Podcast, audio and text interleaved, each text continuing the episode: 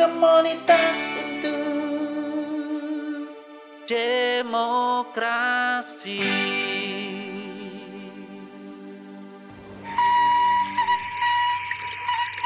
Petani tanggap perubahan iklim untuk keberlanjutan sistem pangan yang tangguh. Perubahan iklim yang ekstrim dapat menyebabkan kerusakan sumber daya pertanian, peningkatan frekuensi intensitas kekeringan dan banjir, peningkatan intensitas gangguan organisme pengganggu tanaman, penurunan produktivitas dan kualitas produksi pertanian.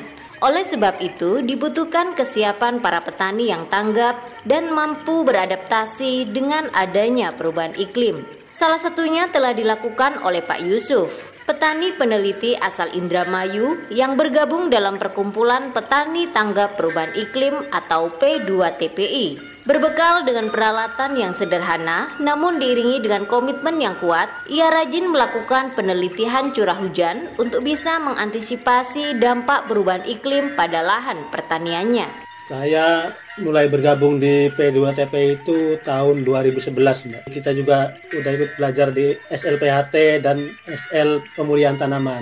Di tahun 2003 saya mulai di SL pemulihan tanaman coba menghilangkan benih, mencari paritas yang cocok di lahan kita. Dulu itu namanya bukan P2TP, dulu itu namanya IPPHTI Mbak dulu.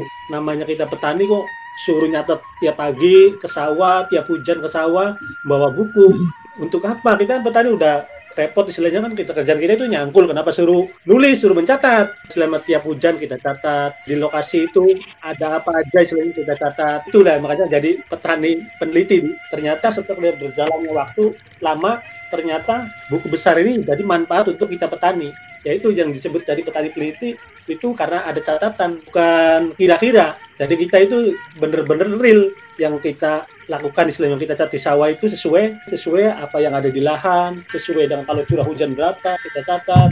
Nah dampak dari perubahan hujan itu apa hama dan penyakitnya setelah hujan itu apa. Setelah tercatat kita tiap bulan melakukan evaluasi. Nah, di evaluasi itu kita bahas dari berbagai wilayah di satu Indramayu, problem apa di situ. Berdasarkan catatan penelitian Pak Yusuf, selanjutnya dievaluasi bersama petani yang lain hingga ditemukan hasil skenario musiman untuk mengantisipasi terjadinya gagal tanam dan gagal panen sebelum ikut di perkumpulan petani tangga perubahan iklim ya kita ya nanam padi nanam padi. Nyangkul ya nyangkul nyemprot yang semprot istilahnya kan. Nggak nggak tahu nggak ada pengamatan. Nah untuk antisipasinya sedangkan kita tiap berapa bulan sekali kita itu didapat skenario musiman. Nah di skenario musiman itu skenario nya itu di atas normal atau di bawah normal.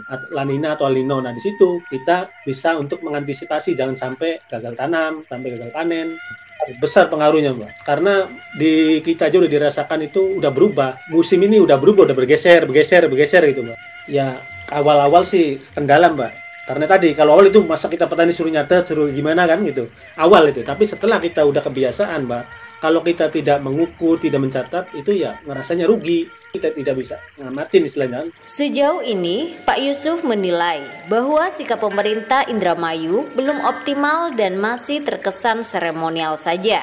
Karena hingga saat ini belum ada tindak lanjut yang jelas terkait aktivitas yang dia lakukan. Kalau di pemerintahan Indramayu, Mbak, terus terang aja, dia itu cuma bisa kalau kita datang, cuma dia bagus, ya basa-basi aja. Untuk dukungannya itu nggak ada. Jadi malah menurut dinas itu kita itu sebagai saingannya gitu. Jadi bukannya kita ini dirangkul, malah jadi jadikan kayak saingan di pemerintahan Indramayu karena kita udah ngadep dinas itu dan kita sering ngadep, hmm. sering promosikan, tapi nggak ada tanggapan. Cuman bilang pernah kita ikut lomba tingkat provinsi apa tingkat kabupaten itu. Kita juara satu, hmm. ya istilahnya hmm. monitoring cek ke survei lapangan dia nganjung. Ini kegiatan yang langka sampai ada termasuk kayak dari dosen apa rektor dari Unwir, hmm. ada media juga seolah-olah kita ini kayak mutiara kata itu yang terpendam yang di dalam hmm. lumpur sampai dia bilang ini jangankan jadi juara menjadi juara juga akan saya fasilitasi. Tapi begitu selesai kegiatannya programnya ya udah bang nggak ada tindak lanjut Lebih detail, Pak Yusuf menjelaskan tentang peralatan yang digunakan untuk meneliti curah hujan di lahan pertanian.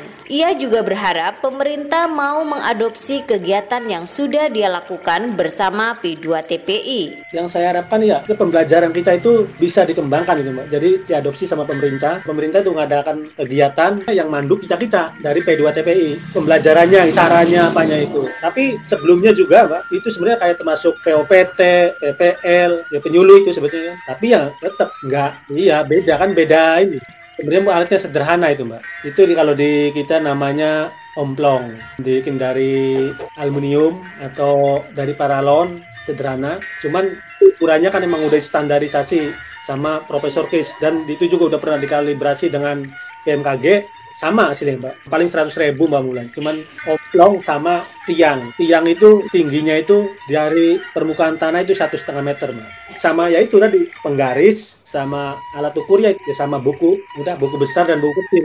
Buku itu untuk disimpan di rumah buku kecil itu untuk pas pengamatan. Menurut Pak Yusuf, untuk bisa menjadi petani pengukur curah hujan dibutuhkan waktu minimal 1 sampai 2 tahun agar bisa membandingkan antar musim dan hasil panennya. Ya itu mbak, karena jadi petani pengukur curah hujan itu nggak bisa satu bulan, dua bulan. Misalnya kita belum tahu apa sih manfaatnya. Minimal ya satu tahun lebih lah, satu tahun sampai dua tahun baru di buku kita itu bisa ada ketahuan bermanfaat untuk kita atau berguna untuk kita. Ya minimal empat musim. Jadi kita bisa membandingkan yang sekarang bisa MT1 yang kedua. Kita bandingkan hasil panennya berapa. Nah di situ kan ada perjalanan kita nanam padi itu ada halangan apa aja, gangguan apa aja. Nah jadi tahu dan hama penyakitnya apa. Ya sebenarnya petani kan selalu belajar tapi karena dari kegagalan itu biasanya kita bisa antisipasi mbak. Bagus terus kita nggak tahu antisipasinya. Mungkin produksi menurun atau ada serangan apa. Nah di situ kita jadi bisa dijadikan pengalaman atau untuk antisipasi. Pas pada saat saya berhasil musim berikutnya itu. Ternyata kan karena kita ada catatan kita hitung mbak. Pak Yusuf menambahkan pertanian alami hasilnya lebih sedikit jika dibandingkan dengan pertanian konvensional. Tapi biaya produksinya jauh lebih tinggi pertanian konvensional. Saya itu dari tahun 2003 sampai sekarang itu tidak pernah menggunakan pestisida. Namanya nyemprot bahan kimia saya nggak pernah kalau mungkin kalau di segi produksi mungkin petani yang konvensional istilahnya itu istilahnya banyak hitungan hasilnya. Tapi kalau di saya hitungannya gini banyak juga buat apa kalau dikembalikan lagi untuk modal. Biarpun sedikit tapi udah untung. Daripada banyak nggak untung. gitu dalam per 100 bata mungkin kalau yang petani konvensional dapat satu ton lebih saya cuma dapat 8 kintal. Ya kalau hitung-hitungan untungnya baik sebanyakan saya lebihnya itu memang banyak dia katanya sampai 12 kintal 13 kintal banyaknya. Tapi kalau dia dipotong biaya produksi ya dia sisanya sedikit Sementara itu, Pak Dayat, salah seorang petani ekologis dari Pangandaran, Jawa Barat, berpendapat bahwa salah satu penyebab perubahan iklim adalah perilaku manusianya dalam melakukan kegiatan pertanian. Perubahan iklim itu kalau alam tetap sebenarnya kalau matahari planet itu berjalan dengan eh, tetap gitu, tidak berubah. Hanya ini yang membuat iklim berubah itu adalah perilaku perilaku manusianya. Gitu. Di antaranya petani juga memberikan perilaku untuk perubahan iklim. Iya, dengan banyaknya emisi-emisi dari pertanian juga kan itu bisa merubah iklim. Lebih lanjut, Pak Dayat mengungkapkan beberapa faktor kegiatan pertanian kimia yang merusak ekosistem pertanian dan menyumbang terbentuknya gas emisi yang bisa memicu terjadinya perubahan iklim. Jelas itu di situ banyak faktor yang yang pertama yang merubah perubahan iklim itu bagi petani itu adalah yang pertama pupuk, yang kedua pestisida. Ini semua adalah hal yang sangat besar membuat ekosistem di alam ini menjadi berubah. Contohnya aja seperti uh, pemakaian pupuk. Bayangkan aja sekarang bahwa dosis untuk pemakaian pupuk urea aja dalam satu hektar itu 200 kg. Kalau 2 2000 hektar aja kali 2 berarti udah 400 ton. Ini dalam satu kecamatan. 400 ton itu ditaburkan ke sawah ini akan membuat emisi bagaimana proses yang namanya nitrogen ke tanah dia akan mengeluarkan amoniak juga yang kan tidak diserap oleh tanaman semua jadi akan berkembang ke alam. Itu baru dari segi pupuk apalagi dengan pestisida. Dengan hanya satu liter bisa dia merubah ekosistem di lahan pertanian satu hektar bisa dirubah dengan cara membunuh makhluk hidup yang ada di sawah Pak Dayat menjelaskan bagaimana produk kimia pertanian bisa mencemarkan tanah, air, udara, dan ekosistem di lahan pertanian. Betapa ngerinya bagi saya itu ada teknologi-teknologi yang dikembangkan dengan katanya modern, padahal itu justru kata saya itu bukan modern lagi, bahkan itu konyol lah lingkungan itu bisa berubah alamnya di atas tanah juga di dalam tanah di air. Itu semua itu akan berubah. Sehingga semua itu akan udara akan tercemar air juga tercemar tanah juga tercemar. Nah di sini mungkin salah satu penyebabnya dari pertanian itu seperti itu. Menurut Pak Dayat kebijakan dan bantuan pemerintah selama ini dianggap kurang tepat sasaran dan kurang efektif bagi kebutuhan para petani sekarang pemerintah seolah-olah seperti memperhatikan dengan ini. Bagi saya itu kurang tepat. Sekarang sudah mulai dengan pengenalan organik. Tapi ada mungkin pemahamannya antara yang punya kebijakan itu belum sesuai. Karena seperti ini bantuan-bantuan yang sekarang itu pemerintah sudah mulai ke organik. Tapi di situ ada kebijakan yang mungkin salah sasaran atau kurang tepat sasaran. Contohnya aja dengan bantuan-bantuan pupuk organik. Diberikannya itu apa? Ya seperti alat-alat perontok pencacah bahan bakunya rumah komposnya bahkan kendaraannya roda tiganya Nah, itu seolah-olah petani itu harus membawa bahan-bahan e, dari lahan itu dibawa dulu ke rumah kompos. Setelah itu harus dibawa lagi ke ke lahan pertanian. Itu yang sangat memberatkan petani. Maka itu adalah kurang efektif itu. Sebagai petani yang cinta lingkungan, Pak Dayat berharap pemerintah membuat kebijakan yang pro pertanian. Salah satunya dengan mensupport petani pemulia benih lokal yang lebih tahan penyakit dan hama